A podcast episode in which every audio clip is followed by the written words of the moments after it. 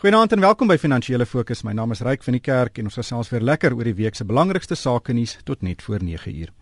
Vanaand het ek twee swaargewigte om my te help. Theo Forster van Galileo Capital is saam met my in die ateljee. Goeienaand Theo. Goeienaand Ryk en goeienaand Gerard. Ja, en uit die Kaap gesels Gerard Lampen, hy's ekonom en beleggingskenner van van Sanlam Aitrade. Goeienaand Gerard. Uh, Goeienaand, dis nou nie nodig om my gewig hier in te bring nie. Wel, ons gaan vanaand se program gesels oor die einde van die, die Amerikaanse kwantitatiewe verruimingsprogram. Dit is natuurlik die Amerikaanse Federale Reserve wat hierdie week gesê het hy wil die program afsluit. En dit volg nadat uh, die Amerikaners 4,5 triljoen Amerikaanse dollars se staatseffekte die afgelope 6 jaar ingevolge hierdie omstrede program aangeskaf het. Die CP-agtige direksiestryd hierdie afgelope 2 weke in uh die raadsaal van die media groep Haskin Consolidated Investments afgespeel in die week het die maatskappy 'n jaarvergadering gehou waar Marcel Golding die tuig neergelê het eintlik met trane in sy oë. En Sasol het aangekondig dat hy 'n 90 miljard rand aanleg in Amerika gaan bou. En dit sal die groep se grootste belegging wees sedert hy sy groot aanleg dekades gelede in Sekunda gebou het. Dis regtig 'n baie groot belegging wat Sasol daar maak. Maar Gerard, kom ons begin by kwantitatiewe verruiming. Die Amerikaners wil nou 'n lyn trek onder hierdie omstrede program. Ehm um, dit het in Desember 2008 begin net na die finansiële krisis die wêreld so hard geslaan het. En die Amerikaners wou daardeur die brose finansiële stelsel van die Amerikaanse weet eh, die banke bietjie ondersteun. Dit is nou 6 jaar later 4,5 triljoen Amerikaanse dollar. Dis 'n geweldige groot hoop geld. Het dit gewerk en wat dink jy was die uiteinde van hierdie program? Ja, ek kyk dit is 'n nuwe waters wat Ben Bernanke daar betree het en ons sal seker nog moet sien of daar dalk on uh, unintended consequences is later, jy weet wat ons nie kon voorsien nie. Maar uh, my persepsie is dat dit wel baie goed gewerk het. Jy moet onthou die alternatief was 'n depressie, want as dit nie gedoen is nie, dan was daar 'n tekort aan geld en dan het ons uh, herhaling gehad van die 1930 hm. depressie. Maar hoe het dit gewerk? Uh, so, hoe hoe in in in die praktyk het hierdie geld wat in die stelsel ingepomp word die ekonomie ondersteun? Goed, uh die geld wat ingepomp is het nie eintlik regtig in die ekonomie ingegaan nie. Die geld het meer balansstate van banke versterk en gekeer dat hulle onder druk kom en dat mense hulle deposito's begin onttrek, hulle vertroue verloor en dat jy dan weer weer dit ook tot 'n depressie kan lei. So daai geld het meer deur die banke se balansstate weer terug na die reservebank toe die Fed toe gevloei. Dit is hoekom dit nie 'n baie direkte effek op die ekonomie self gehad het. Daai geld is nie deur die banke uitgeleen nie. Mense se skuldvlakke het nie die noemenswaardig gestyg nie want mense was onder druk, jy weet die ekonomie was op 'n stadium in 'n resessie, so daar's nie baie nuwe lenings gemaak nie. Wat wel gebeur het, dit het batepryse ondersteun. So mense het kalmer gevoel dat hulle huise se pryse weer herstel het na 'n paar jaar ensovoorts. Wat dit egter ook tot gevolg gehad het, was dat daar bietjie meer likwiditeit in die ekonomie was, bietjie oorvloed van likwiditeit en dis wat die hele doel was en dat van daai geld toe nou uitgevloei het uit Amerika toe waar daar geen uh, rentekoers opbrengste is nie na buitelandse markte soos ons toe eh, veral ontwikkelende markte. En dit is waarom ons so kwai reageer as daar sprake is van die einde van van hierdie verruiming en soos wat nou gebeur maar nou soos jy kan sien daai vrese was eintlik maar oordoen. Jy weet is daar's nog nie 'n uh, strenger monetêre beleid van sprake nie. Dit kom waarskynlik eers aan die einde van 2015. Maar, so ons gaan nie 'n dramatiese uitvloei sien van geld in 'n in 'n baie kort tydjie nie, jy weet. Mattheu, dit die impak op Suid-Afrika en ander ontleikende lande was juis dit. Die rentekoers in Amerika het tot net bo 0 ge, geskuif en daai mense daai geld gaan vat en dit in ons beurse en staatseffekte kom belê omdat die rentekoerse hier hoër was. Dis korrek. Wat dit die die die die Gerard nou noem nou die onvoorsiene gevolge wat dit gehad het, maar dit het addisionele likwiditeit geskep in finansiële markte. Dit het gesorg dat Amerikaanse rentekoerse beduidend laag bly vir langer periodes van tyd. En hierdie likwiditeit het reg oor die wêreld huise gevind en in Suid-Afrika se geval het die likwiditeit hoër opbrengse gekry. Maar die punt van die saak is en ek dink dis waar ons sal moet baie mooi kyk wat die effek is. Op hierdie stadium lyk dit of dit gewerk het, maar ek dink jy moet hierdie sien, dis amper soos 'n pasiënt wat in intensief lê en nou wat ons gedoen het, ons het die masjiene afgehaal. Daai masjiene wat hom aangehou het is nou af. Maar hierdie pasiënt moet nou wys hy kan sonder die masjiene nie net oorleef nie, maar hy kan uiteindelik by die hospitaal uitstap. En daai by die hospitaal uitstap gaan ons eers kry as rentekoerse normaliseer, soos Gerard gesê het einde volgende jaar, een of ander tyd wanneer ons rentekoerse kry wat nie rondom 0 is nie, maar 'n normale koers kry. En wanneer wat wat bedoel jy met normaliseer? Dit moet styg tot watter vlakke? Kom ons praat van die rentekoerse tussen 2 en 4% iewester. Dit beteken hy hoef nie heel laag te wees want hy hoef nie vir alle praktiese eindes in baie gevalle amper niks te wees nie. Dis wat dit tans is, ja. omtrent 0. So so wat ek sê is hy hoef ook nie te gaan na die hoër vlakke wat ons gekry het nie, maar hy moet net gaan na eh, na 'n rentekoers omgewing wat rentekoerse bevoel tussen 2 en 4% in Amerika verander. Ja, ek stem saam. Ja. En dan sal jy eers sien of hierdie net 'n korttermyn 'n hulp was, 'n inspuiting is wat die ding aan die gang gehou het vir 'n paar jaar en of die ekonomie werklik op sy voete kan staan. Nou my my vertrekpunt is as jy gaan kyk na Amerikaanse werkloosheid onder 6%. Amerikaanse groei ons het 'n kwartaal van 4.6 gehad, nou 'n kwartaal van 3.5%. Ek het die idee dat hierdie ekonomie is besig om op die voorvoet te kom en ek het die idee dat die geskiedenis gaan wys dat wat Gerard sê stem ek heeltemal saam. Die geskiedenis gaan sê hier's 'n absolute depressie in 'n Amerikaanse uh, 'n mekaar tuimel van wêreldfinansiële markte is gekeer. Ja, dit het gekos en dit daar was gevolge daarvan, maar in die langtermyn gaan hierdie ou eendag by die hospitaal uitstap. Terwyl Europa se beleid waar hulle uitgawes terugsny wat hulle wat hulle besnoei Dis besig om te wys of dit nie dalk die ideale oplossing gaan wees nie, maar ons sal dit eers oor 'n klompie jare kan sien. Gerard, wat, wat gaan die impak op Suid-Afrika wees? Ehm, um, weet dit is nie asof die die weet die die likwiditeit nou gaan opdroog nie. Al wat wat die Fed gedoen het is hulle die kraantjie toegedraai. Maar wat dink jy gaan die impak wees op Suid-Afrika? Kyk, uh, ek dink ons gaan definitief minder belegging kry van oorsee af. Die groei koers in die uh, in Amerika gaan gaan seker die beste wees van alle lande en ek het uh, al 'n paar keer mense aanbeveel om te belê in in buite in veral Amerikaanse aandele. Jy kan iets soos 'n DBS US uh, is, uh ETF gaan koop op ons beurs sonder om geld uit die buiteland uh, jy weet uit te vat. Maar daai ekonomie gaan baie goed groei. Die aandele is nie so duur nie.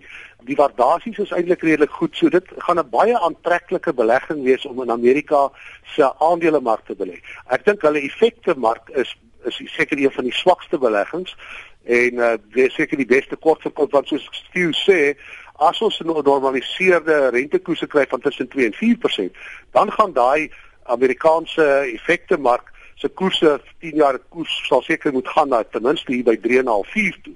So dis 'n ontsettende groot beermark wat daarso plaasvind.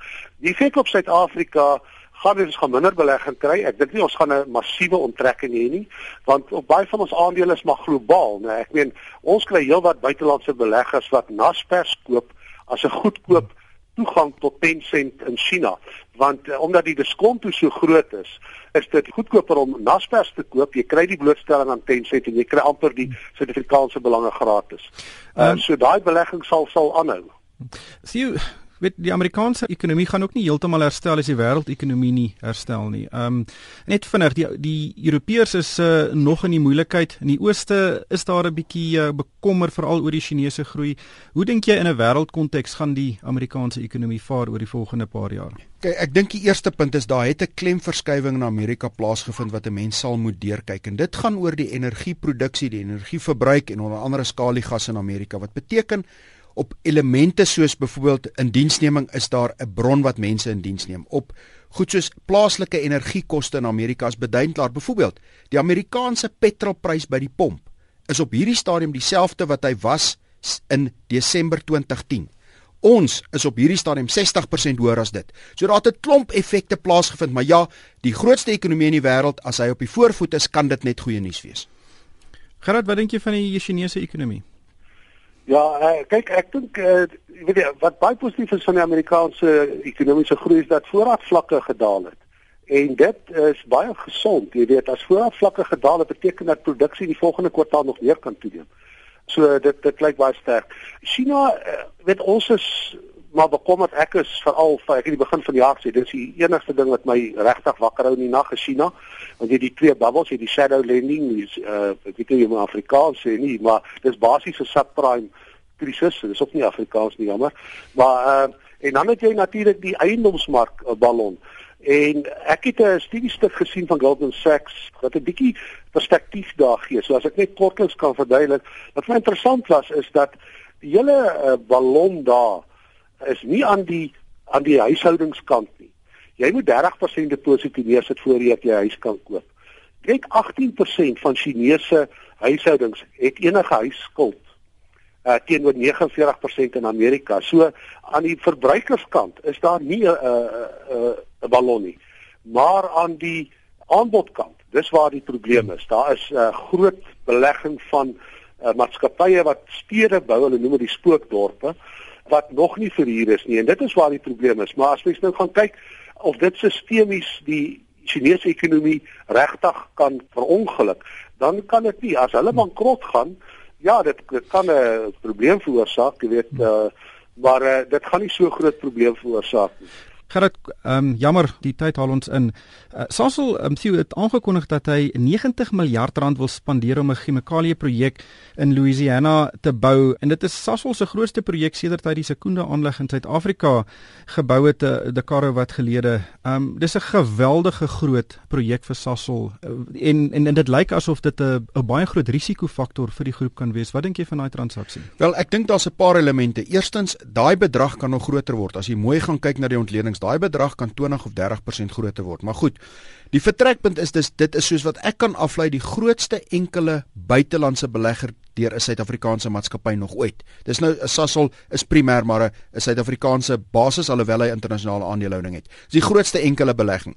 Ek dink wat 'n mens hierso moet kyk is jy het in Amerika 'n paar veranderinge gehad. Jy en jy het veranderinge gehad rondom die, die hele gasbedryf, jy het 'n ekonomie wat vorentoe gaan en my vertrekpunt is dat groot Suid-Afrikaanse maatskappye moet net soos internasionale maatskappye hier belê. As hulle kompeterend is moet hulle wêreldwyd gaan kompeterend soek en enige van hierdie projekte het risiko aan. En mense kan nou baie gesels oor daai risiko in terme van pryse in terme van produk in terme van afsette. Die punt van die saak is jy gaan nie so belegging doen as jy nie sorgvuldig jou studies gedoen het nie. So my opinie is dit wys 'n Suid-Afrikaanse maatskappy wat vertroue het om in wêreldmarkte uh, produksieaanlegte te gaan neersit. En ek dink mense moet dit net jy, jy jy moet eerstens hulle aanprys daarvoor en tweedens moet ek ek hoop dit werk. Wel, ek het iewers gelees dat uh, Sasol is die grootste enkele belegger in Amerika, bol buitelandse belegger in Amerika wat 'n uh, geweldige 'n pleintjie is vir Sasol. Wel, wel dis vir 'n begin die grootste enkele internasionale belegging deur 'n Suid-Afrikaanse maatskappy wat ek kon optel. Hmm. Gaan dit mense graag wil sien dat Sasol daai tipe geld in Suid-Afrika inploeg. Ek weet Suid-Afrika het 'n groot skalie gas neerslag en ek dink eh, 'n 90 miljard rand belegging sou vir Suid-Afrika ook baie beteken het. Ja, kyk ek dink ons kan baie trots wees op Sasol wat begin is met staatsfinansiering. Uh, en uh toe gelukkig geprivatiseer is. Uh, ek dink dis die sleutel gewees. As hy nie geprivatiseer is nie, wonder ek of ons hom nie sou moes gehelp het uh met uh belastinggeld nie, maar hy's geprivatiseer. Ons het 'n uh, tegnologie daar ontwikkel wat wêreldwyd uh in aanvraag is. Uh, Sasol kan dit goed doen. So ek dink ons kan baie uh trots wees op uh op Sasol.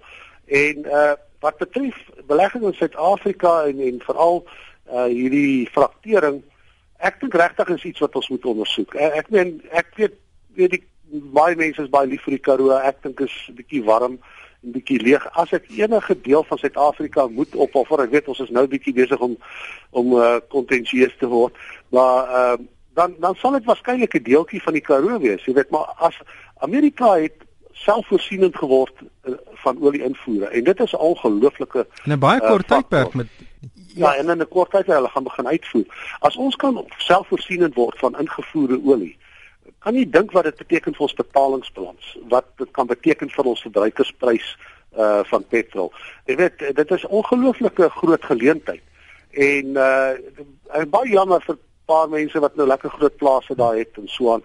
Uh, en natuurlik moet ons kyk na die omgewingsimpak. Ek weet mense wil nie uh, dit laat dit dat dit groter areas hmm uh, baie affekteer nie, maar ek dink ons moet dit ondersoek uh, en kyk of dit ja, kan werk. Ek dink net daar byvoeg. Onthou die Karoo is 'n werklose omgewing. Daar is nie ander werksgeleenthede nie. Ons het nou onlangs ons werkloosheidsyfer ja. gekry of jy dit glo of nie. As jy die ouens buite wat werkloosheid sit saam met die ouens wat ophou soek, is die skande in Suid-Afrika. Daar's 7,7 miljoen mense wat nie werk nie. En dit is die offisiële syfer. Onoffisieel is baie hoër as dit, maar die skande is ons kan vir 7,5 7.7 miljoen ouens nie 'n inkomste gee nie. Hmm. Sien net laastens, ehm um, die beurs lyk of hy 'n bietjie gestabiliseer het die afgelope paar dae. Ons het 'n tegniese regstelling gesien 'n week of wat gelede Hoe sien jy die vertoning van die beurs in hierdie konteks? Ek dink eerstens hierdie daling wat ons gesien het, dit die afgelope 10 jaar het die beurs meer as een keer 'n jaar 'n 10% daling gehad. Dit is normaal. Die vraag is gaan hy verder daal of nie en ek dink op hierdie stadium as jy gaan kyk na die drywers in ons mark en, en en jy gaan kyk na die aandele wat hierdie markpryse gedryf het. Ek dink tot 'n groot mate sit jy in 'n posisie dat dit internasionale maatskappye, dis wêreldwye maatskappye en stadig maar seker is daar elemente in die wêreldekonomie wat in plek kom. Die wêreldekonomie is 'n beter plek nou as 5 jaar gelede. Die feit dat die mark baie duurder is, ja, ek dink ons gaan laer opbrengste kry as wat ons die afgelope 5 en 10 jaar gehad het, maar of dit beteken as 'n bateklas mens moet dit absoluut vir my nee. 'n 10% swaai is, is is die nuwe normaal.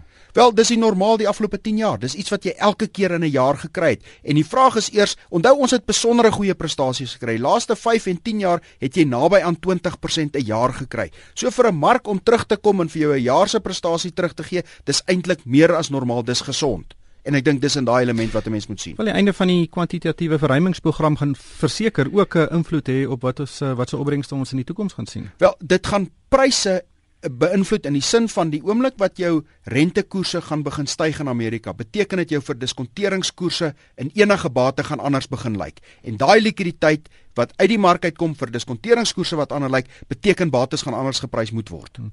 Ongelukkig hierdie tyd ons ingehaal. Baie dankie aan Theo Forster van Galileo Capital en Gerard Lampen van Sandam Uitride. En vir my ryk van die kerk, baie dankie vir die saamluister en ek hoop almal het 'n winsgewende week.